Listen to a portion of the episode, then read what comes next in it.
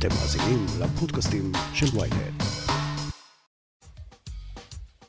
חוקרים מעידים שמבחינה אבולוציונית, לא משתלם לשים את כל הביצים בסל אחד. זה גם הטיעון שחוזר על ידי אנשים רבים שעוברים לאחרונה למודל זוגי פוליאמורי. הם טוענים, כנראה בצדק, שלא כדאי לנו לתלות את כל הציפיות שלנו בבן זוג אחד. כי בואו, הוא בחיים לא יוכל להצטיין בהכל. Talk to me.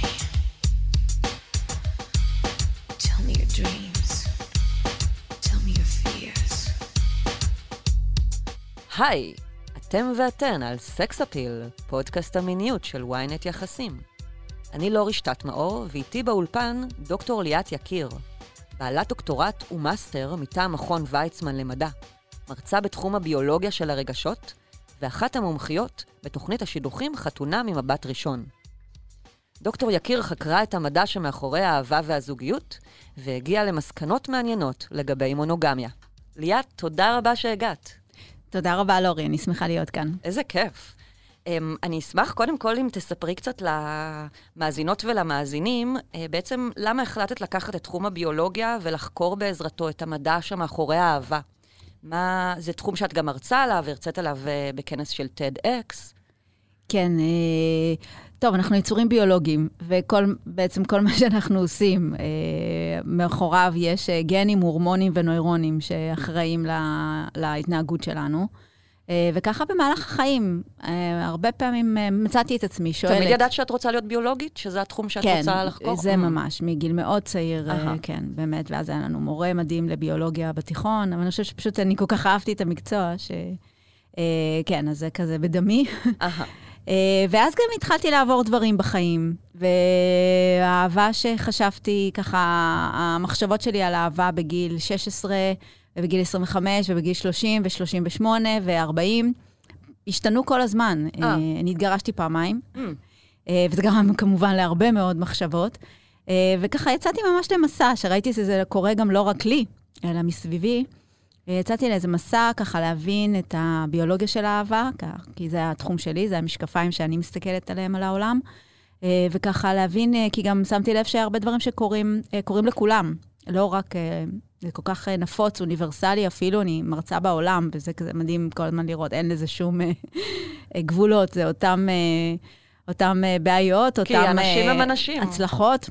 בני אדם הם בני אדם, אדם לא משנה. איפה הם. בדיוק, ולכן באמת אה, נוירונים, גנים והורמונים, אה, וגם חיידקים, לא? גם. בזמנו קראתי מאמר על זה שחיידקים על בעצם מנוהל, אנחנו מנוהלים על ידי החיידקים שבגוף שלנו. כן, בעיקר בכל מה שקשור לתזונה, אבל גם, גם מעבר לתזונה. אז אה, בואי נתחיל כזה על, על, על עולם האהבה, כששני אנשים מכירים, והם מסתכלים אחד על השני, אולי יוצאים לדייט, או רואים אחד את השני בבר, ונראה להם שהם נמשכים אחד לשני. מה זה בעצם אומר מבחינה ביולוגית? אה, אז מבחינה ביולוגית זה אומר שהגירוי הזה יוצר איזשהו רצף תהליכים בגוף שלנו. אה, רובם לא מודעים כמובן, זאת אומרת, אה, אנחנו אה, חווים איזושהי תחושה שאנחנו פוגשים בן אדם, אה, ונוירוני מראה גם משחקים תפקיד, זאת אומרת, אנחנו מרגישים את מה שאחר מרגיש, אז אה, זאת אומרת, אם יש איזה מסר מיני או מוטיבציה או משיכה הדדית, אנחנו מיד מרגישים את זה, רואים את זה בעיניים, מה שנקרא. מה זה נוירוני מראה? איפה הם אה, נמצאים? זה במוח? כן, זה במוח שלנו, ובעצם אנחנו, כשאנחנו מסתכלים על האחר, אה, חלק מהנוירונים שפועלים אצל האדם אחר נדלקים גם במוח שלנו, בערך 20 אחוז, זאת אומרת, אה, ובאמת אנחנו באמת מרגישים מה שהאחר מרגיש. במידה מסוימת, לפעמים אנחנו נותנים לזה פרשנויות, או לא אבל בדיוק כל כך מבינים. מהר? גם במצב של אין כל כך היכרות? כן, זאת אומרת, נוירוני מראה זה, זה תופעה אה, של בני אדם, לא רק בני אדם. אה, אני חושבת שגם פילים ודולפינים אה, ושימפנזים, אה, זה התגלה אצל שימפנזים. אה, אצל יונקים אצל בעצם. אה, יונקים. מהמם. אה, וזה בעצם מאפשר לנו להעביר מסרים, אה, בלי לדבר, כאילו רוב בעלי החיים, אה, לא, לפעמים גם אי אפשר לדבר. אז זה, זה בעצם ש, ש, מנגנון עדר כזה, מנגנון של להקה, שאנחנו בעצם מרגישים את הרגשות, אה, מריחים את הפחד, מה שנקרא, מרגישים את השמחה. זה מדבק, שמחה מדבקת, צחוק מדבק, בכי מדבק, פיוק. פיוק מדבק, Mm. וגם מיניות מדבקת. זאת אומרת, גם תחושה מינית, אה, אם אחד הצדדים מעורער, זה משפיע גם על האחר. אה. זאת אומרת, את, את מרגישה אה, שנדלקים עלייך. אז זאת הפרשנות של מה שאנשים מכנים אנרגיה? כשאנשים אומרים, אנחנו חווים מסונכרנים באנרגיה שלנו, אז זה בעצם בנוירוני מראה אולי? כן, אני מסתכלת נגיד על דייט, וכל כך הרבה מסרים עוברים שם, כל כך הרבה דברים קורים שם לא במילים, 95% זה לא במילים, ואת בעצם יוצאת נגיד מהמפגש עם תחושות, תחושות שהיה טוב, שהיה... וזה כל כך תלוי גם במה שהצד השני מרגיש, וזה כאילו מין, מין אה, משוב שחוזר. זאת אומרת, אה, הוא מרגיש, את מרגישה, את מרגישה, הוא מרגיש, או היא מרגישה, לא משנה. אה, אז, אה, אז בעצם אנחנו נורא מפעילים אחד את השני. אה, המסרים שאנחנו מחפשים אותם, שאנחנו, בעצם למה אנחנו נמשכים, אז אנחנו, המוח שלנו מתוכנת כמובן ל, ל, ל, לגיוון גנטי ולרבייה ולכמה שיותר אה, לחפש גנים טובים. אנחנו רוצים לשבח את הזן, אנחנו לא יודעים שאנחנו רוצים, זה פשוט... אה, זה בלא מודע. כן, כן, בדיוק. זה התכנות של הרובוט, אנחנו קצת אה, מכונות בעניין הזה, וכשאנחנו פוגשים בן אדם עם הגנים הטובים, עם הגנים הנכונים, זאת אומרת, אה, אה, מבחינת הורמוני המין, עיצוב טוב של הגוף, אסטרוגן עושה לאישה גוף של גיטרה, אז אה, כל אה, החזה, אצל הגבר אה, גוף משולש, שרירים. אה, כל הסימנים האלה, אנחנו מיד קולטים אותם, אה, וכמובן גם הפנים, מה הפנים אומרות, גם הסימטריה, גם יחס הזהב, גם היופי בעצם, שזה מתמטיקה, אה, וגם המסרים הרגשיים שעוברים דרך העיניים של אנשים. זאת אומרת, מה יש שם מאחורי אה, אדם מלהיב, אדם אה, מסקרן, אה, כבוי, אה, וזה, וזה מיד גם מפעיל אותנו. מה לגבי חוש הריח? אומרים שאנחנו נמשכים אחד לשני בהתאם לפרומונים שיש לנו? ואז גם הריח מגיע. עכשיו, הריח יגיע בשלב יותר מאוחר, כשנתקרב. כן. זאת אומרת, אם עברנו את המסננת הראשונה, האבולוציונית, אה, זאת אומרת, מבחינת אה, מראה וכל הפרמטרים האחרים, אה, אז באמת נתחיל להתקרב. יהיה לנו דחף להתקרב אפילו, זאת אומרת שהכל, שהכל עובר טוב, בדיוק כדי להריח. זאת אומרת, הנשיקה, המטרה שלה היא בעצם לקרב את האף. ולכן גם אסקימואים שהם לא יכולים להתנשק בגלל הקור, אז הם אה, מחככים את האף. אה, אה, והמטרה היא בעצם ממש לשאוף את הבן אדם, מה שנקרא. עכשיו, בתוך הריח שלנו יש המון מולקולות אה, נדיפות, חלקם הם פרומונים, אהה. שזה נגזרות של הטסטוסטרון והאסטרוגן, של הורמוני המין. אה, פרומונים של אישה עושים מצב רוח טוב לגבר, פרומונים של גבר עושים מצב רוח טוב לאישה, שנותנים לשאוף את זה תחת אה, מכונה, תחת MRI, FMRI. אה, והפרומונים האלה בעצם נותנים לנו גם סיגנל אה, כמה הבן אדם הזה בעצם אה, הוא אה, טוב לרבייה. זאת אומרת, מלא טסטוסטרון או מלאה באסטרוגן. גברים מריחים ביוץ, בצורה כמובן לא מודעת, אבל אנחנו אה, גם משפיעות אחת על השנייה, גם אנחנו מריחות ביוץ אחת של השנייה. נשים משפיעות על נשים, אה, גברים בגלל משפיעים זה על גברים. הווסת מסתנכרנת בקבוצה של הפרומונים. נשים שגרות יחד או. בדיוק, והפרומונים בעצם אה, מתחילים אה, גם אה, לעורר את, ה, את כל המרכז המיני של המוח, אה, ו- ונותנים לנו בעצם את החוויה הזאת של אה, וואו, אני נמשכת אה, לריח שלו, אני נמשכת אליו, אני נמשכת אליה, אני נמשך אליה. אה, אז זה הפרומונים. בתוך, עוד יש אה, בעולם הריח, אה, 50 מיליון חיידקים עוברים מפה לפה, הם נותנים המון מידע. אה, המון מידע, באמת... חלק טובים, אה, חלק רעים, נכון? מצד אחד... ח- כולם אבל חשובים למידע מבחינת אה, אינפורמציה, והם נותנים לנו באמת מידע על המצב הבריאותי של הבן. אדם. אה, שאנחנו חולים, אוכלוסיית החיידקים שלנו משתנה, התזונה שלנו משנה את אוכלוסיית החיידקים, אה, וגם כנראה אפילו אה, קרבה גנטית. זאת אומרת, אה, אנשים מגנטיקה שונה, יש להם אה, מיקרוביום אה, מה זה שונה. אומר? אוכלוסיית החיידקים שונה אצל. אדם ביפן ואצל אדם, כי זה תלוי בתזונה שלנו וגם אה, גנטיקה. קראתי באיזשהו מקום שאנשים שמתנשקים תשע פעמים ביום, הם חולקים את אותם חיידקים בסופו של דבר. כן, בסוף אנשים שחיים ביחד גם אה, מתחילים להיות דומים ב, במיקרוביום שלהם, וזה גם חלק ממה שהופך אותנו כאילו למשפחה בעצם. אבל, הש... משפחת אבל חיידקים. השאיפה הלא מודעת שלי למצוא מישהו עם מיקרוביום שונה, מיקרוביום שונה משלי בעצם? אז זהו, כאן אנחנו נכנסים לאסטרטגיה שהגנים פיתחו כדי אה, לגרום לנו לבחור את הרחוק, אך לא רחוק מדי. מה זה אומר? מה זה אומר? זה אומר אה, לא קרוב משפחה, לא גילוי עריות, זאת אומרת שזה גם אה, דרך מנגנון הריח, אה, דרך אה, כל ה... אה, אה, בעצם עולם של ה...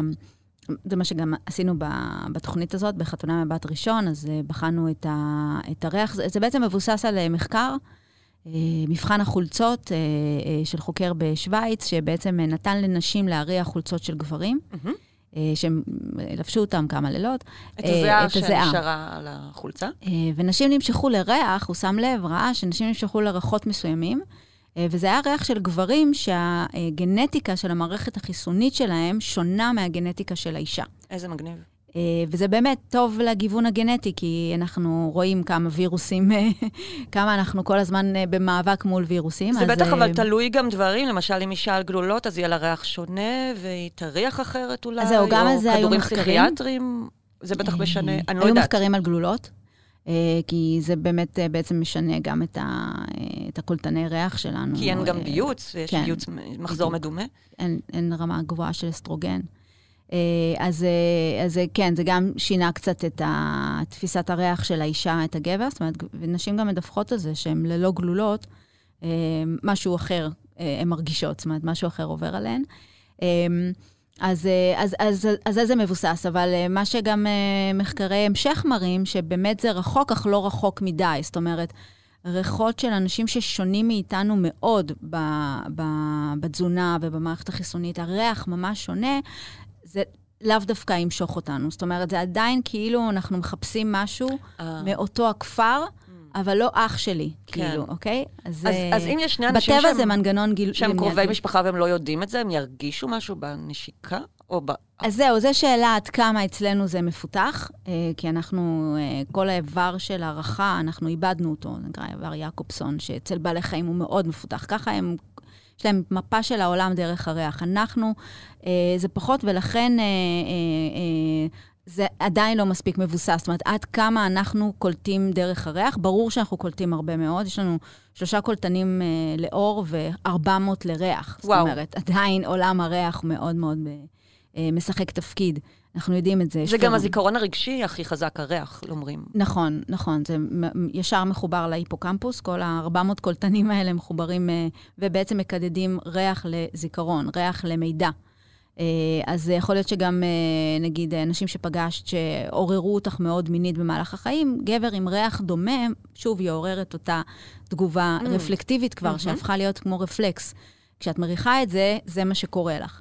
אה, כי המוח והרוב לא מודע, מקשר את בטח. המקום, את הדמות שהוא הכיר, וישר מח- מחזיר אותה לפרונט. בדיוק, בדיוק. זה במטרה לגרום לנו לברוח ממה שעושה לנו רע, ולעשות, ולקבל ולקחת ו- ולחפש את מה שגרם לנו לטוב. זאת אומרת, שאני אחפש עוד מאותו, מאותו ריח, או שאני אתרחק מאנשים עם, אה, עם אה, ריח מסוים שמצומד פשוט לא- לאיזה טראומה או לאיזה חוויה לא נעימה. אז ריח באמת מפעיל את, אה, את העולם הרגשי שלנו. אה, אם הכל עובר טוב, ובאמת הנשיקה, הרי, עברנו את מבחן הריח, זאת אומרת, היה לנו קודם את מבחן המראה, ואז עברנו את מבחן הריח, אז באמת מתחיל להיות מופרש ההורמון הרציני. שזה האוקסיטוצין, כן. שהוא בעצם מופרש במגע. אבל, אבל אה, במגע צריך להיות קודם את ה, את ה, את ה... מה שנקרא, כאילו, את הרושם הראשוני, נגיד. זאת אומרת, את ההתחלה של הנשיקה, ואז מנגנוני הריח אה, ככה עובדים. ואם יש הסכמה, זאת אומרת, אם זה לא דוחה והבנ... ואנחנו לא מתרחקים, אלא מתקרבים, כן, אם אין דחייה, מה שנקרא. בדיוק. אם אין דחייה, אז uh, באמת אוקסיטוצין uh, יופרש, כי הוא הורמון תלוי קונטקסט. זאת אומרת, uh, זאת אומרת, הוא עובד ביחד עם המנגנונים היותר מפותחים של המוח, שאומרים, אוקיי, זה טוב לי, אוקיי, זה לא טוב לי. זה לא רק בלא מודע, אלא זה גם במודע, זאת אומרת, גם המודע, גם המודע משתתף.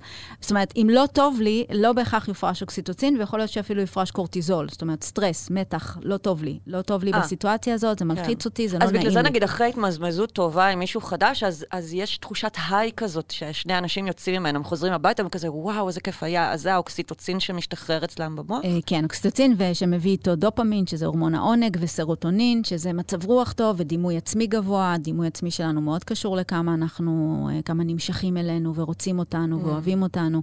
ברור. אה, זה, כל ההורמונים האלה עובדים ביחד, אה, עונג, דימוי עצמי ואהבה. אה, ו, ובאמת אמרת משהו נכ- מאוד חשוב, החדש. החדש, זה, זה משהו, זה נקודה מאוד חשובה, כי באמת... שוב, הגנים מאחורי הקלעים תכנתו אותנו לנסות כמה שיותר לגוון, כאילו, לא, לא, לא עם אותו בן אדם כל החיים, בעצם. זאת אומרת, התוכנה אומרת לא אותו בן אדם כל החיים, ולכן אה, כמות הדופמין והאוקסיטוצין שיופרשו עם מישהו חדש, אה, אה, וגם הורמוני המין שיופרשו עם מישהו חדש או מישהי חדשה, הם יותר גבוהים אה, מאשר אותו אחד. זאת אומרת, כשאנחנו כבר מתנשקים עוד פעם ועוד פעם ועוד פעם ועוד פעם, וכמובן עושים כבר הרבה מעבר לנשיקה, ששם גם אה, אוקסיטוצין הוא הורמון האורגזמה, אורגזמה, לידה והנקה. כן. אה, אז בואי באמת, אה, כן. לפני שנרוץ ל... ל... לאותו אחד. כן. אמ, אז בואי נספר, בואי תרחיבי יותר על, ה, על האוקסיטוצין בעצם. מה, הוא, הוא נקרא הורמון אהבה. כן. זאת אומרת שהוא משתחרר בזמן נשיקה עם אדם חדש, או... הוא ההורמון החברתי, הוא משתחרר כשאנחנו נמצאים עם אנשים. אה, גם בטלפון שאני מדברת עם אה, אימא שלי, עם חברה, זה מופרש. אה. זאת אומרת, ברגע שיש אינטראקציה עם יצור אחר, שאני מלטפת את החתולה שלי, את הכלב, זה מופרש. אצל Mm. הכלב ואצלי, וואו. אותו דבר. כן, זה אה. הורמון רציתי לשאול אותך על חתולים בלי קשר, וואי, מגניב. מדהימים, איזה מדהימים. קטע. יצרני אוקסיטוצין, החיות האלה. וואו. אמ, ונוירוני מראה, הם מרגישים מה שאנחנו מרגישים ומאוד משפיעים עלינו. אז, אה, אז החומר הזה מופרש באינטראקציה. אה, גם כשאני חושבת על האהוב שלי, או, על- גם מופרש. זאת אומרת, Mm. באינטראקציה עם יצור אחר. אה, אז זה מופרש שהם מסתכלים בעיניים, שמחייכים וצוחקים, שמדברים, שמקשיבים לי, אמפתיה, כשמישהו לא פותר לי את הבעיות, רק מקשיב לכאב שלי, אה, חיוך וצחוק מעלים, אה, מחמאות שמחמיאים לי, אה, ומוזיקה, גם מוזיקה מעלה הפרשות אוקסיטוצין. האזנה לכן, אה, למוזיקה שמסבה עונג, אז היא גם מפרישה, אוקס- גורמת כן. לנו להפרשת היא אוקסיטוצין. גורמת, אה, לכן מוזיקה מחברת וקשורה לטקסים ול, ולחגים ולחברותה. אה, אנחנו שרים ומנגנים כשאנחנו ביחד. אה, אז, אז זה אוקסיטוצין, מופרש מיותרת המוח, ובעצם גורם לנו ל bonding, לתחושה הזאת של קרבה. זאת אומרת, כן, בגלל מישהו- זה הוא מחבר בין האם לתינוק בזמן ההנקה. כן, לידה, קודם כל בלידה, זה כל הלידה כל. אנחנו נוצרים מאוקסיטוצין, חיים מאוקסיטוצין, נפגעים מאוקסיטוצין. מה זאת אומרת נוצרים מאוקסיטוצין? בגלל שבגלל הלידה התינוק נולד... אה, התינוק, אה, כשאימא לא מצליחה לייצר לו, לספק לו יותר מ-20% מהמזון ברחם, הוא מתחיל להפריש אוקסיטוצין, שהוא גם הורמון סטרס. וואו. שיעזרו לי, שמישהו יעזור לי. אה. אז זה מגיע למוח של אימא, והיא מתחילה להזרים לו, להזרים לדם רמות של אוקסיטוצין, מתחיל להיות מופרש מיותר את המוח, הולך לרחם.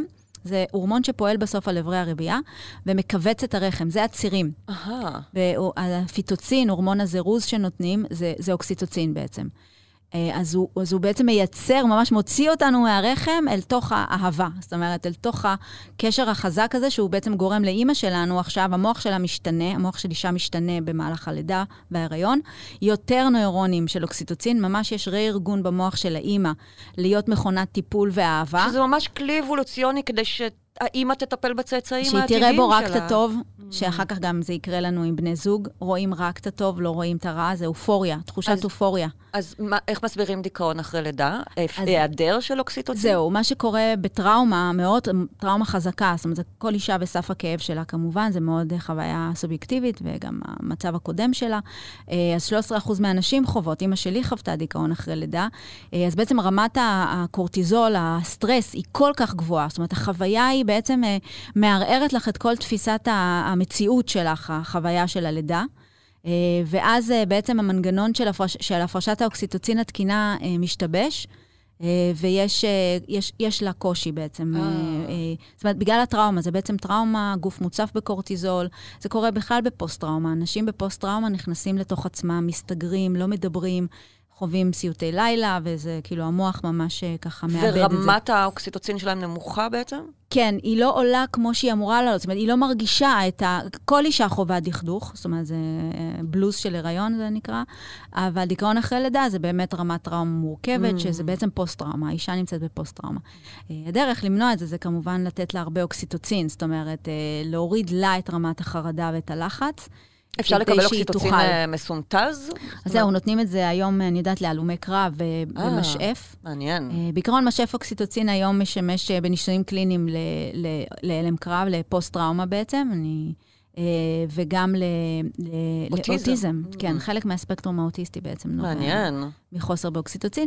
יש עוד ויכוחים עד כמה זה עובד, כי שוב, זה מבחוץ, וזה לא הרמות של המוח, וכל מוח הוא אחר. זה, זה עולם שלם, העולם של, ה, של האוקסיטוצין, אבל זה בהחלט... אה, אה, מרתק. אז מעניין. באמת, אה, במהלך האינטראקציה הזוגית, זה אותו הורמון.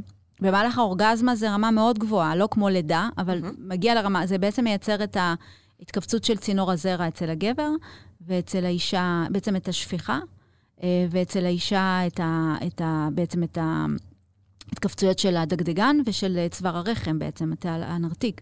כל התעלה שם אה, מתכווצת בזמן... אה, והמטרה היא מה? לייצר חיבור אורגזמה. בין בני הזוג? או... עכ- עכשיו, בר- ברמת האיברים זה ברמת לייצר את התינוק, לאפשר לרחם לקבל ולזרע לצאת. אה, ברמת התחושה, כל אורגזמה בעצם זה הפרשה מטורפת של אוקסיטוצין, דופמין וסרוטונין, הרמות הכי גבוהות. זאת אומרת, אם רוצים להבין בני אדם, באמת צריך להבין מתי אנחנו מקבלים הכי הרבה דופמין, אז זה רק סקס. Hmm. אה, כן, ואז בעצם מה שקורה במוח, יש צימוד בין הבן אדם הזה שעושה לי טוב לעונג, אוקיי? הבן אדם הזה גרם לי עונג, דופמין, אוקסיטוצין, יה, נהיה, נהיה חיבור.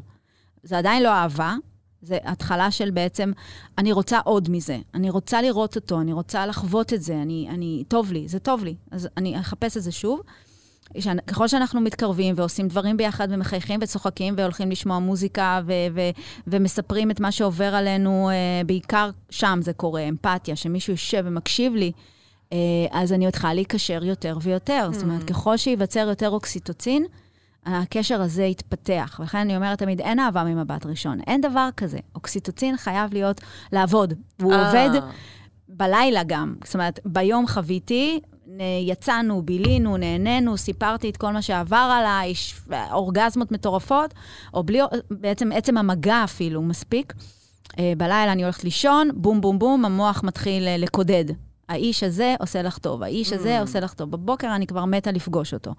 אה, או, או לקבל הודעה, או, ואז מתחיל לקרות לנו תהליך בעצם ההתאהבות אה, בבן אדם הזה, אה, שכמו ההתאהבות של האימא בילדים וגם האבא במהלך שהוא מטפל והכול, עולה לו רמת האוקסיטוצין כמובן, אה, אז אה, רואים פתאום את הבן זוג הזה ככל מה שחיפשתי בחיים. זאת אומרת, כן. מתחילה תחושת. האופוריה. כן. וזה גם, בגלל זה אומרים גם blinded by love בהתחלה, כי כן. לא רואים את, ה, את המגרעות שבו.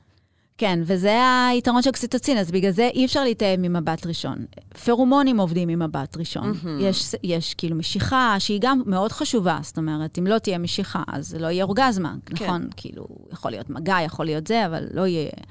אה, ואם חלילה יופרש קורטיזול, זאת אומרת, אה, שזה הורמון זה לא עושה הסטרס. לי טוב, כן, אני נמצאת עם הבן אדם, אבל ההפך מטוב נהיה לי לא טוב, אז זה ממש ייגמר מהר מאוד, אחרי שני דייטים. כן.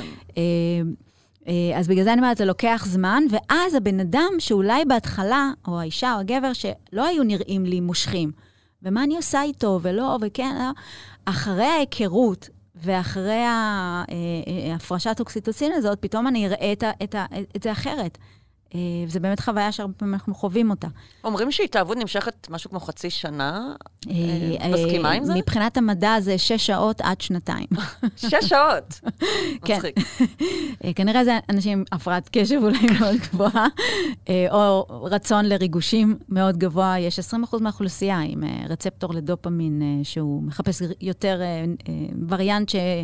שלא שבע, מה שנקרא, אהה. כאילו, כל הזמן שהוא באי מחפשים. שקט כזה כל הזמן. הוא באי שקט, כן. אז אה, נגיד הם ילכו לספורט אקסטרים ו- ויחליפו עבודה לפעמים, אה, אבל זה אנשים מאוד יצירתיים מצד שני. או שהם התמכרו, אה, למין למשל, כן, נכון, פורנו. נכון, כי זה כל הזמן סף ריגוש שבעצם הם רוצים לשמור אותו, למלא את הסף ריגוש, סף ריגוש נמוך. בעצם. אז מתי זה הופך, ההתאהבות הזאת, הקוקטייל הורמונים המדהים הזה הופך לאהבה? אה, אז זהו, אז, אז רק אחרי שלב ההתאהבות אפשר באמת לבחון את, את הקשר, אה, שזה באמת אה, בין חצי שנה לשנה, גם אנחנו רואים את זה יור, הולך ויורד. אה, כנראה משך בגלל הפרעת? קשב Mm. של האוכלוסייה, אולי בגלל גם עולם הדיגיטל יצר לנו הפרעת קשב. היית אומרת שנגיד, אומרים על נשים, אה, נשים שרק ילדו, לא להיות כל הזמן בטלפון, כי זה מוריד את הפרשת האוקסיטוצין, כי זה מ- מייצר סוכח. נכון, מייצר קורטיזול, כאילו. כן, זה מייצר קורטיזול. אומרת, זה, כן, כל הודעה בטלפון, כל פעם שאנחנו מסתכלים על הטלפון, יש, יש איזה סטרס, כאילו, כי יש ציפייה. וגם אה. מסתכלים על זה במקום על להסתכל על התינוק, ואז פחות בדיוק. מייצרים איתו את הקשר. בדיוק, פחות, כן, פחות קשר עין. אה, אוקסיטוצין מופרש מאוד אה, חזק, ברמה מאוד גבוהה בקשר עין. אז באמת יש היום ירידה בקשר עין של Mm. הורים וילדים בכלל. ירידה באמפתיה, כי אמפתיה, הבסיס שלה הוא הקשבה. אומרת, אני לא יכולה, הקשבה והסתכלות בעיניים בצורה מרוכזת. כל מה שאנחנו מאבדים בתרבות בדיוק, הדיגיטל. אחרי 40 מילים הקשב יורד היום, אז זה נורא קשה לייצר אמפתיה, ולכן אנחנו כזה כל הזמן מחפשים דברים אה, שירגשו אותנו. אה, אז אני אומרת, אז אה, שלב ההתאהבות אה, באמת תלוי בבני אדם, אבל באמת חצי שנה עד שנה זה, זה הנפוץ. ואז אפשר לבחון באמת מה קורה אחרי. זאת אומרת, מה קורה אחרי ש... אוקיי, הגירוי הזה, שנקרא אהוב שלי, הפך למוכר. זאת אומרת. אחרי חצי שנה, שנה, הוא מוכר. זאת אומרת, המגע לא יעשה את מה שהוא עשה בפעם הראשונה. זה, זה, טבעי, זה, זה הביולוגיה. יש סבילות. המטרה מאחורי המנגנון זה לגרום לנו לחפש, לפזר גנים, לבגוד. אה. אה, בגידה זה אדפטציה גם מטורפת. נשים? בוודאי. אה, למה בוודאי? אה, כי אומרים שגבר אמור להר... להר... להרביע את זה, את זרעו בכל מקום, אבל מה האישה? 30 אחוז מהביצים בקן של יונים, לא של הזכר שדוגר. מה את אומרת? הנקבה, גם יש לה אינטרס לא לשים את כל הביצים בסל אחד. יש לך, אה, את הולכת להשקיע הרבה מאוד בצאצאים האלה, חבל שתבזבזי את הכל על אה, אולי בחרת לא נכון, ואולי יש איזה, איזה מחלה שתהרוג לך את כל הילדים, חבל. עדיף שיהיה מחלה איזה ילד גנטית אחד. אחת, אז שיהיה מישהו אחר. בדיוק, שיהיה לך. לפחות ספינה אחת, כי. היצורים בטבע לא חיים הרבה, הם חיים מעט מאוד אחרי הרבייה. והרבייה זה שם המשחק, אז, אז אני אהיה הצלחה אבולוציונית, לצורך העניין, אם אני אביא ארבעה ילדים מארבעה גברים ולא מגבר אחד. וואו. ולכן ה- ה- הריגוש והתחושה... אני מכירה, אגב, כאלה שעשו את זה. אה, ולכן הר- הריגוש שלנו, זאת אומרת, על זה יש אצלנו בני אדם כמובן תרבות וחינוך ומה יגידו עליי, אז זה שמה כבר נבנה. אבל אם אנחנו מסתכלים על האבולוציה, הביולוגיה, אה, מכוותת אותנו כמובן אה, להרגיש ריגוש גבוה יותר לחדש. ואז המבחן של האהבה. זאת אומרת, מה קורה אחרי שההורמונים אה, כבר לא משחקים את התפקיד שהם שיחקו? כשהם יורדים לרמה בעצם הרגילה שלהם? כן, ש- ואז, אה, זאת אומרת, הרמה הרגילה לאדם שאוהבים אותו, זאת אומרת, אה, זה כבר פחות אה, ניצוצות באוויר, זאת אומרת, פחות אה, רמות עד, מטורפות של דופמין ושל טסטוסטרון. טסטוסטרון מייצר את הדחף המיני. זאת אומרת, אני כבר לא אחרי 20 שנה חושבת כל היום מתי נגיע למיטה. נכון. זה כבר לא... אה, עכשיו, פה המבחן האמיתי, כי באופן עקרוני, אנחנו מפרישים אה, אהבה, קשר אהבה נכון, מה שראינו בסרטים, או מה שקורה לנו בהתחלה. כי אנחנו אמורים גם אחרי 20 שנה לחשוב כל היום מתי, אני, מתי נהיה ביחד. אה, ואז מתחיל להיווצר איזשהו דיסוננס כזה. רגע, אז אולי אני לא אוהבת, אז אולי אני כן אוהבת, אז מה קורה לנו? כל הבלבול הרגשי הזה. כן. מה קורה אם אני בעצם לא מתרגשת מה, מהגירוי הזה כמו פעם, אז אולי הוא לא טוב בשבילי, אולי הוא לא הבן אדם בשבילי. וזה, פה אנחנו נכנסים בעצם למעגל אה, עם עצמנו לפעמים, שבעצם אני חושבת שהחוסר הבנה של הביולוגיה שלנו מפריע לנו כאן, כי יש לנו איזושהי ציפייה שכל החיים אה, אה, יהיה איזשהו אה, סף ריגוש. אה, גבוה, אה, כי אני אוהבת אותו, אבל אני אוהבת, ואני אגיד שאני אוהבת, כאילו, אני מרגישה את האהבה. אה, אבל משהו קורה אה, אה, בהקשר המיני.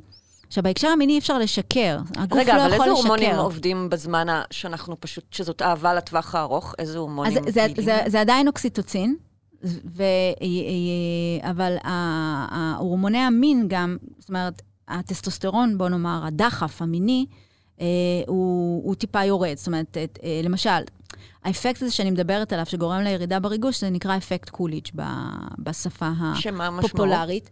אה, אה, קו- קוליג' היה נשיא ארצות הברית, קראו על זה, על איזשהו סיפור עליו, אבל לא משנה, אני אספר אותו אחר כך, אבל אה, בעיקרון האפקט הזה קורה אצל כל היונקים כמעט, אה, יותר חזק אצל זכרים בטבע, אה, ופחות אצל נקבות, זה כאילו אפקט הבגידות, אם תרצי, אה, שבעצם אה, שמציגים לזכר את אותה נקבה, אה, היא מתייחמת נגיד אצל עכברים כל ארבעה ימים, אז כל ארבעה ימים מכניסים לכלוב ומודדים כמה זמן לוקח לו לגמור. אה, אז אה, זה... לעכבר? לעכבר, כן. אהה. כמה זמן הוא מגיע לשפיכה, כן. לפורקן. אז uh, בהתחלה זה ייקח לו 2-3 דקות, שזה נורמלי לעכבר.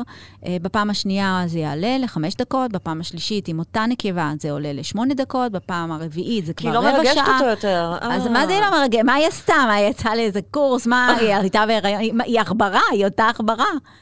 Uh, ובאמת בפעם השמינית הוא אפילו לא מתקרב אליה. וואו, ממש איבד עניין. וואו. ואם עכשיו עושים את אותו ניסוי, רק כל ארבעה ימים מישהי אחרת, אז הוא נשאר על 2-3 דקות וממשיך עד אפיסת כוחות ומוות, כל עוד מביאים לו נקבות.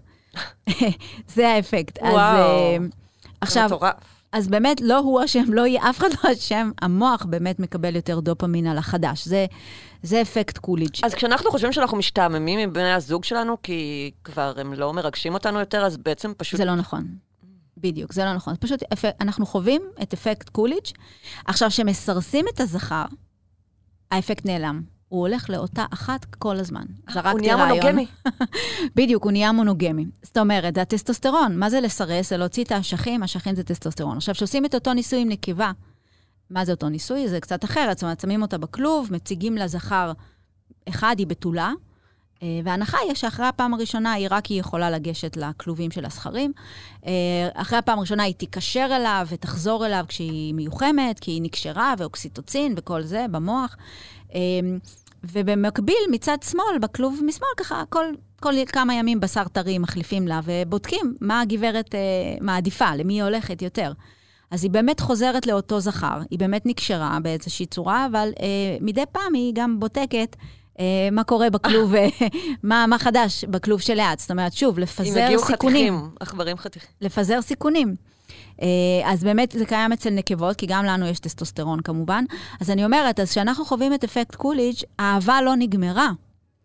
אה, מה, ש, מה שהשתנה, מה שבעצם אנחנו חווים, זה בעצם את אותו אפקט של ירידה בריגוש, כי אנחנו יצורים אה, עתירי טסטוסטרון ומאוד מאוד מיניים, אה, ואנחנו גם עושים... אבל גם זה משתנה במהלך החיים, למשל בגיל העמידה, אני יודעת שיש ירידה ברמות נכון. הטסטוסטרון. אה, אצל נשים זה ממש ירידה דרסטית, זאת אומרת, אחרי גיל הרבייה.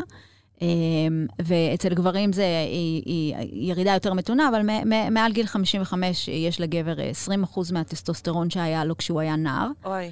אה, ויש עלייה באוקסיטוצין אצל גברים מבוגרים. זאת אומרת, לפעמים הם מרגישים באמת שהם קצת יותר טוב, כיף להם עם הנכדים, וכאילו מרגישים איזה שינוי מהגבר הצעיר לגבר המבוגר. אה, זה מעניין לשמוע גברים מדברים על זה, אה, אבל זה באמת, זה ירידה בטסטוסטרון ועלייה באוקסיטוצין. נשים מתבגרות חוות באמת הירידה באסטרוגן וטסטוסטרון. וגם ירידה באוקסיטוצין, זאת אומרת, גם לה קצת נמאס לטפל בכולם ולהיות אחראית על כל העולם. זה מעניין. אה, מאוד. אבל באמת אה, יש שינוי בחשקים אה, המיניים כשאנחנו מתבגרים, ולכן שם באמת האוקסיטוצין חשוב מאוד. זאת אומרת, האם נוצרה שם חברות טובה? האם הבן זוג זה חבר? זאת אומרת, לא חייב להיות החבר הכי טוב, יש לי מלא חברים וחברות, ואני מקבלת את הצרכים, זה לא הגיוני לקבל את כל הצרכים שלנו מבן אדם אחד. שהוא יהיה גם אה, מצליח את והורה. זה אומרים היום אה, פוליאמורים ואנשים לא- שהם לא מונוגמים. ככה הם מצדיקים את הבחירה הזוגית שלהם. הם אומרים, אני לא רוצה לשים את כל הביצים בסל אחד, בגלל שאף פעם, באף קונסטלציה, בן זוג אחד לא יוכל לספק לי הכל. אז אני חושבת, אני בעצם, זאת אומרת, עוד פעם, כל אחד ומה שטוב לו ולה, אבל אני אומרת, אה, אה, זה בדיוק השאלה אם האדם הוא יצור מונוגמי. כי מצד אחד, באמת פוליגמיה הייתה, זאת אומרת, פוליגמיה זה האסטרטגיה היציבה בטבע. היא טובה לזכרים והיא טובה לנקבות. פוליגמיה זה מספר... זכר אחד עם כמה בני- נקבות. כמה בני זוג. אה, זה לא, כלל- זה זכר אחד עם כמה אה. נקבות. זה מה שקורה בטבע. כן, הש... לא יכול להיות מצב אחר. זה 95% מהיצורים בטבע, בוודאי יונקים, מהיונקים. הציפורים רובם הם מונוגמים, אבל גם אה, סדרתיים, זאת אומרת, לא כל החיים עם אותו זכר, או נקבה, כאילו, עם אותו בן זוג. אה, אה, כל פעם מישהו אחר, אבל לכמה שנים? עד שהגוזלים עוזבים את הקן, מה אה, שנקרא, פר. פרויקט. מהמם. כן, רק בשביל הילדים, נשארים בשביל הילדים, והם מחפשים פרטנר אחר. זה יותר מתאים גם לבני אדם, שהיום ידוע שאין. לה רק בן זוג אחד, שאנחנו מחליפים כמה בני זוג. אנחנו או כמה- סדרתיים כרגע. כרגע אנחנו ממש לא מונוגמים, אה, מה שנקרא גנטיים, זאת אומרת שזה hardwired לכל החיים, שכל החיים נשארים ביחד. יש שמונה, 12 יצורים כאלה בכל עולם החי. אה, שהם כל החיים ביחד, וכל יום אני עוקבת אחריהם, אני גם מגלה שמצאו שהם מתגרשים, ואלה בוגדים, וכאילו... אה, שאפילו ה-12 אפילו הם לא... ה-12 האלה, זה אלבטרוס ונשר אחד, ו... אה, פינגווינים גם? אה, לא, לא, פינגווינים מאוד סדרתיים. אה, הם לא כל החיים ביחד, אה, אבל אה, ברבור לבן, אבל הם כן אה, מונוגמים. ברבור שחור, ברבור לבן. ברבור הם מונוגמים, אה. סדרתיים. אה, אז אני אומרת, אז, אז, אה, אז השאלה באמת אה, גם שבאמת היא שאלה מדעית, ועדיין אין לה פתרון חד משמעי. האם האדם הוא מונוגמי סדרתי או פוליגמי? כי ב- הרוב היונקים באמת הזכרים מתחרים, והאלפא לוקח את הכל. זאת אומרת, זה שהוכיח את עצמו וזה שיש לו הכי הרבה טסטוסטרון בעצם, כי הוא ניצח את כולם, מה שנקרא, והנקבות הולכות איתו, זה לא שהוא מכריח אותן. כשהוא מפסיד, הן עוז- הן עוזבות אותו והולכות עם המנצח החדש באזור. אה, the winner takes it all. בדיוק. הן רוצות את הגנים הטובים ביותר. צ'יטות וחתוליות לא מבייצות בטבע אם הן לא רואות תחרות ריצה בין הזכרים. וואו, מגניב. ולכן הן לא מתרבות בשבי. זאת אומרת, אני רוצה את הכי טוב. גם ככה הן עושות הכל, הן מגדלות, הן מטפלות, הן מטפחות, הן רוצות גנים טובים. אה, אז אני אומרת, אז השאלה, מיהו האדם, היא שאלה מאוד מרתקת, כי פוליגמיה קיימת, הרב באפריקה, ועדיין, כאילו, כל ההיסטוריה שלנו... גם בשבטים בדואים בארץ יש אה, כן, יש פוליגמיה. Uh, טוב, היא פוליגמיה גם פטריארכלית, זאת אומרת, הגברים מכריחים את הנשים, זאת אומרת, לא, לא שאלו את האישה לדעתה, נכון. בוא נאמר. Uh, ואז מסתכלים בחברה מטריארכלית, זאת אומרת, מה קורה שנשים uh, מנהלות את העניינים. אז יש חברה אחת כזאת, uh, בצפון סין, שבט עמוסו הן נקראות. אה, ושם היינו אולי מצפים, כל אחת יש לה בבית קשור הגבר שלה בשלשלאות, אסור לו להתקרב לאף אחת. אז ממש לא, אין להם בשפה את המילה אבא, בעל או נישואים. זה לא קיים בשפה שלהם בכלל, אין להם את המושגים האלה. וואו. ואישה, יכול להיות לה אחד, יכול להיות לה שניים, כמה שיר, אף אחד לא שואל אותה בכלל, היא מקבלת חדר. אה, האבא ביולוגי לא משחק תפקיד, האחים והאחיות עוזרים לה לגדל. מוצאת בחור... הם חיים בשבט, נכון? כן. שכולם מגדלים יחד את הילדים? לא, הסבתא, לא? כאילו, יש אה, משפחות גרעיניות, אבל הסבתא היא המת, אה, המטריח, כאילו, בעצם. הסבתא מנהלת את העניינים, ירושה עוברת מסבתא לבת לנכדה. וכאילו הגברים כזה לשעשוע, זאת אומרת, לשעשוע ולפרנסה של בית האם. כאילו, הם, הם חיים זרע. עם אימא. הם חיים עם אימא ותורמים זרע. אז uh, שנמאס לה מאותו גבר, כאילו, uh, לצורך העניין, אז uh, במסורת, היום זה כבר לא, היום החברה הזאת מאוד השתנתה, אבל המערב הגיע גם לשם. אז הם היו תולות דגל אדום במרפסת, והגברים היו יודעים, הגבר היה יודע שהגיע זמנו ללכת, אין שיחת יחסינו לאן, וגברים אחרים יודעים שהיא פנויה בכפר. אז ככה זה, אז את רואה, זאת אומרת, אנחנו רואים את אפקט קולי, זאת אומרת, גם כשהנקבות מחליטות, אז הן מחליטות שכרגע זה טוב לי, אבל אולי מחר זה לא טוב לי, ויש מישהו יותר. אה, אה, אז, אז זה, זה באמת שאלה, מיהו האדם, וזה עוד פעם, ממש ממש תלוי תרבות וחינוך, ואנחנו כל כך גדלים לתוך התניות, אה, וחיים את ההתניות, אז אנחנו באמת יצור כן. מסובך באופן טרגי. שגם מסבך את עצמו כל הזמן. כל הזמן. עכשיו, הטוענים למונוגמיה, לכך שהאדם הוא מונוגמי, אומרים, חבר'ה, המונוגמיה תלויה בצאצא. כשהצאצא זקוק להגנה של שני ההורים ולהרבה משאבים, נגיד אה, אצל הציפורים, אבא מאכיל, אמא מביאה, מישהו צריך לעוף להביא אוכל, אז צריך לשמור על ה... אז באמת התפתחה מונוגמיה.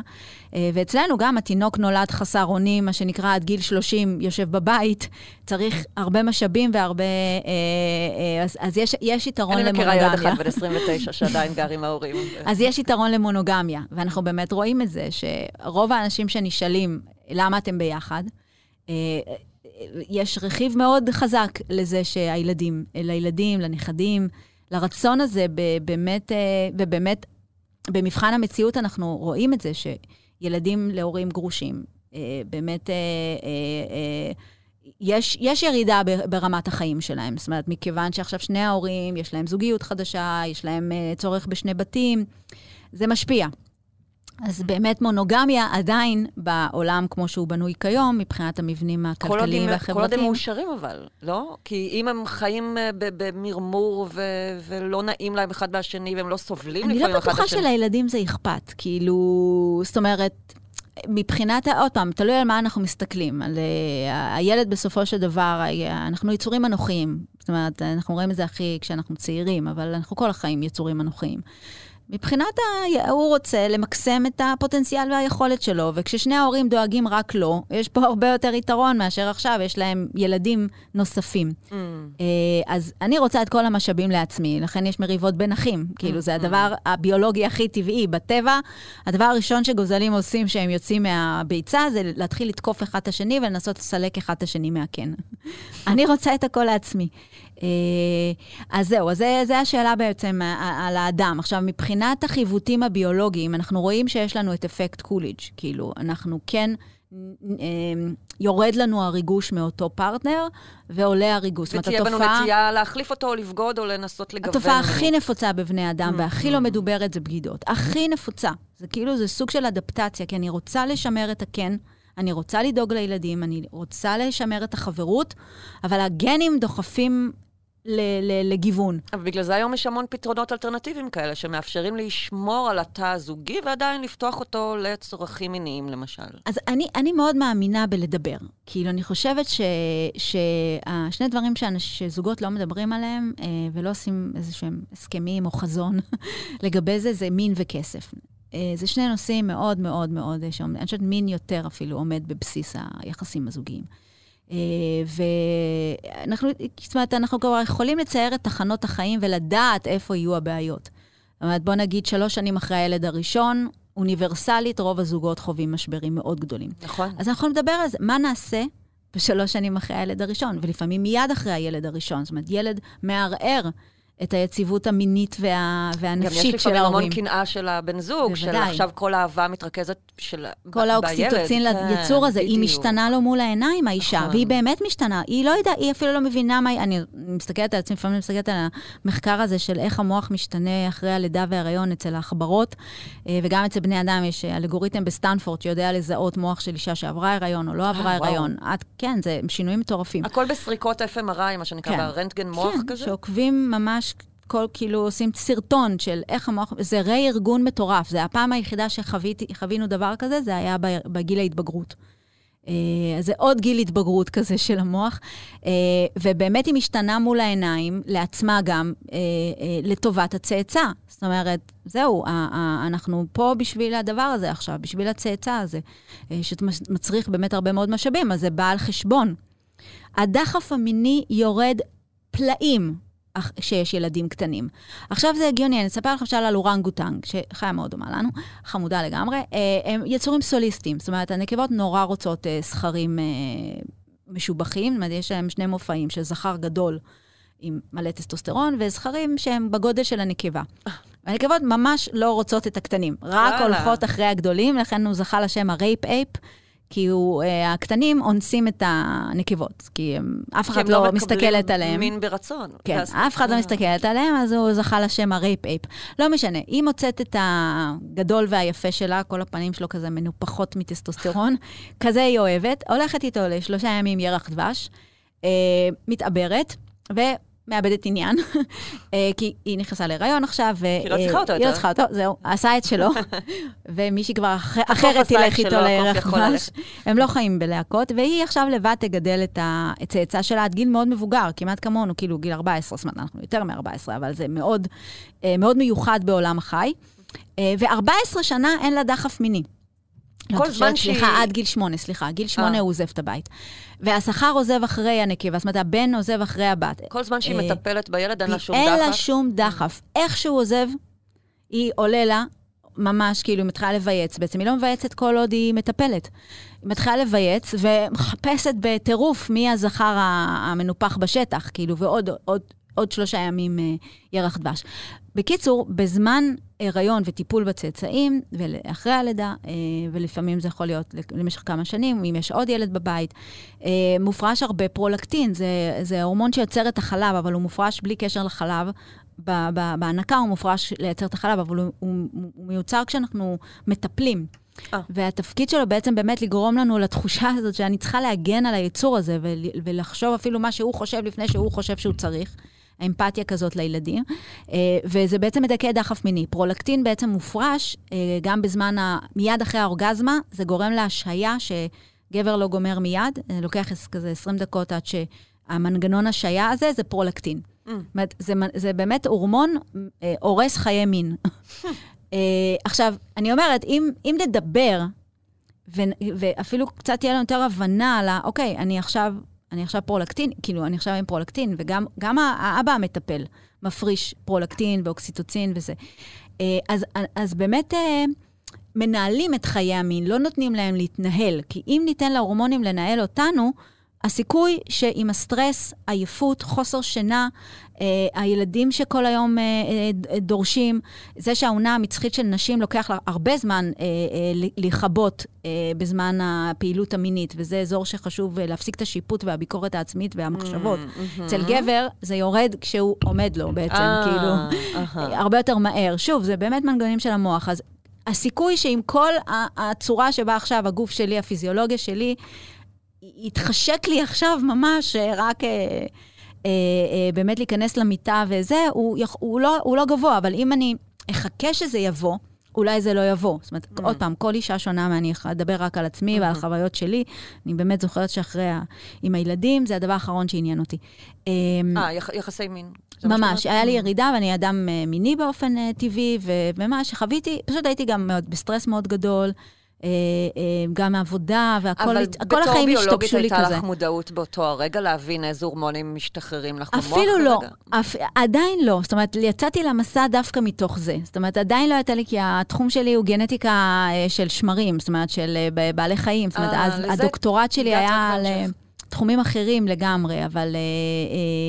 ואז באמת יצאתי למסע הזה של להבין יותר, יותר, יותר להבין את ההורמונים, את הגנים, את הנוירונים, ואז אני בעצם אומרת, זאת אומרת, כל עוד אנחנו נותנים ל- למו- למוח הרגשי, הלימבי, לנהל לנו את החיים, אה, אז אה, באמת אנחנו נמצא את עצמנו תוך שנה פחות מדברים, אה, מתרחקים, אה, כי, כי, כי לא בגלל שמין הוא כל כך, הוא, הוא כן חשוב במהלך החיים הזוגיים, הוא מאוד חשוב כמובן, אבל מה, ש, מה שקורה הרבה פעמים זה, זה תסכול ותחושה של דחייה.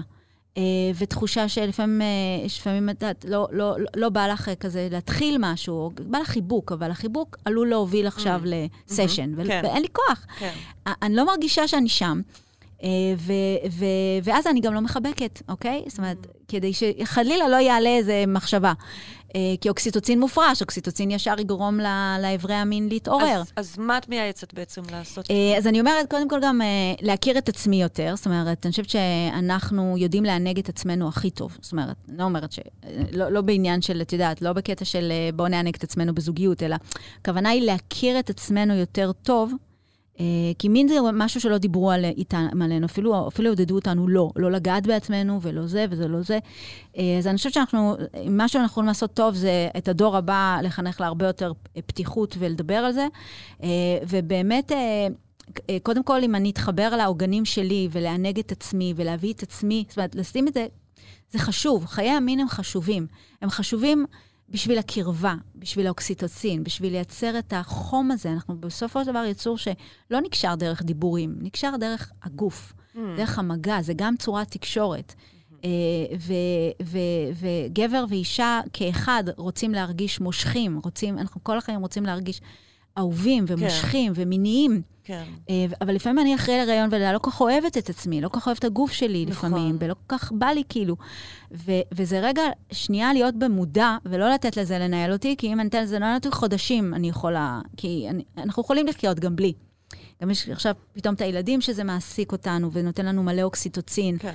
אה, אז, אז, אפשר- אז, אז אני אומרת, לא, לא, לא להגיע למדרון הזה, אלא פשוט הרבה יותר במודע לנהל את חיי המין שלנו.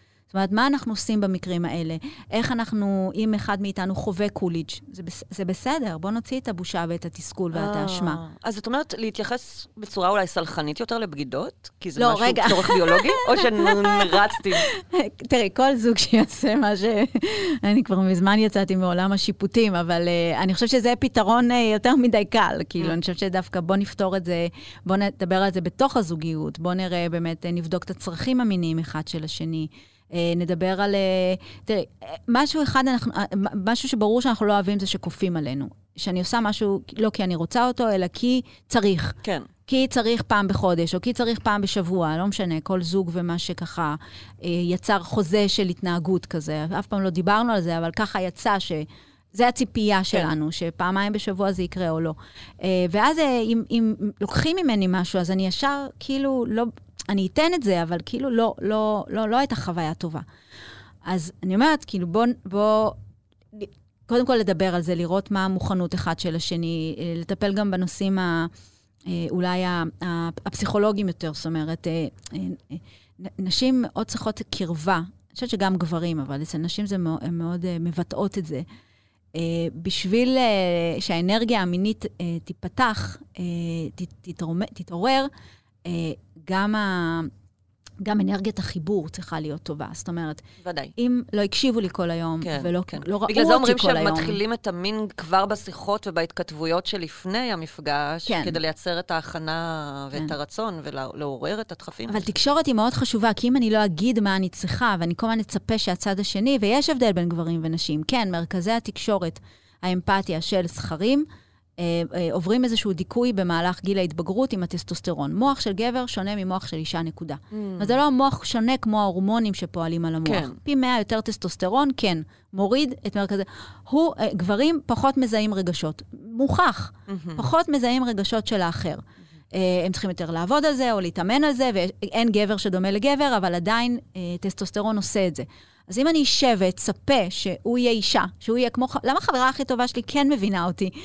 אבל אז אני סתם אשב ואהיה ממורמרת, והוא יהיה ממורמר כי אני ממורמרת, ואז ניכנס, כאילו, במקום להיכנס לסחרחרות האלה, אה, באמת ננהל את הדברים האלה, ואז אני אדע, אהיה יותר מחוברת לעצמי, אדע מה אני צריכה ואיך אני צריכה, כל הנושא של העינוג העצמי. אה, כי אנחנו יודעים שברגע שאנחנו נכנסים למוד, זה מתעורר. כן. הרגש מתעורר, ואז נהנים. כן. כאילו, העניין הוא להגיע, ל, ל, כי באינרציה אנחנו יכולים uh, להמשיך לישון, uh, ללכת למיטה בתשע, לישון, לקום בבוקר. Uh, אבל אם לא נדבר על הזמנים שנכונים לנו, uh, uh, מתי לי נוח יותר, מתי אני מרגישה יותר משוחררת, ואולי לייצר את הסטינג המתאים. בקיצור, גם ביולוגים מאמינים בתקשורת כן, וגם לגוון, בריאה. וגם לגוון את המיניות, מכשירים, עזרים, הציפייה ש-90 שנה נהיה עם אותו בן זוג, פחות. ביולוגית לא עובד. עכשיו צריך למצוא את כל זוג את הדרך שבה הוא... המסלול שלו. כן. אבל אני מאמינה, אני מאמינה באהבה, באמת. אני חושבת שאנחנו יצור שהוא מעבר ל, רק למיניות. אה, אני חושבת שזה זה חשוב והכול, אבל אני חושבת שהתמיכה והיציבות הנפשית והוויסות הרגשי שאנחנו בעצם מקבלים בזוגיות, אה, אה, אין, אנחנו יצור ש... חוסר אוקסיטוצין, בדידות, עושה לנו נזק כמו 15 סיגריות ליום. Mm, זה הנזק של בדידות. שיט. אז עם כל הקושי של הזוגיות, חושבת שזה אחד הדברים שבאמת, אה, אנחנו הרבה יותר אה, רוצים לעזור אחד לשני ממה שנדמה לנו. אנחנו נכנסים לאיזה ספירלות של אה, מריבות ותסכול ומרמור, ו- ו- ו- וזה סתם, כי אנחנו באמת בסוף, מה זה, כאילו, מה זה, זאת אומרת, זוגיות זה דבר מופלא, זה, זה באמת להיות שם בשביל הבן אדם האחר, אבל אם אנחנו לא מבקשים ולא אומרים מה אנחנו צריכים, איך אנחנו צריכים, מה טוב לנו, לפעמים אנחנו אפילו לא יודעים מה טוב לנו. כן. פועלים מהאוטומטים, כל כך אנחנו פועלים מהאוטומטים, ו... והבן זוג בדרך כלל יספוג את הכל, כי... כי הוא הבן אה, אדם הכי קרוב אלינו ואין לו ברירה. ועל הילדים אנחנו לא מעיזים. אמ, ליאת יקיר, את מדהימה. תודה רבה. נעמת לי והחכמתי, והיה ממש מעניין. תודה רבה, שמחתי מאוד, תודה לורי. עד כאן, עוד פרק של סקס אפיל. אפשר להאזין לפרקים נוספים שלנו בוויינט, ספוטיפיי, גוגל, אפל, או בכל מקום אחר שבו אתם שומעים ושומעות את הפודקאסטים שלכם. העורך שלנו הוא רון טוביה. בצוות, שחר ברקת וערן רחמני. אני לא רשתת מאור, תודה רבה, ונתראה בפרק הבא.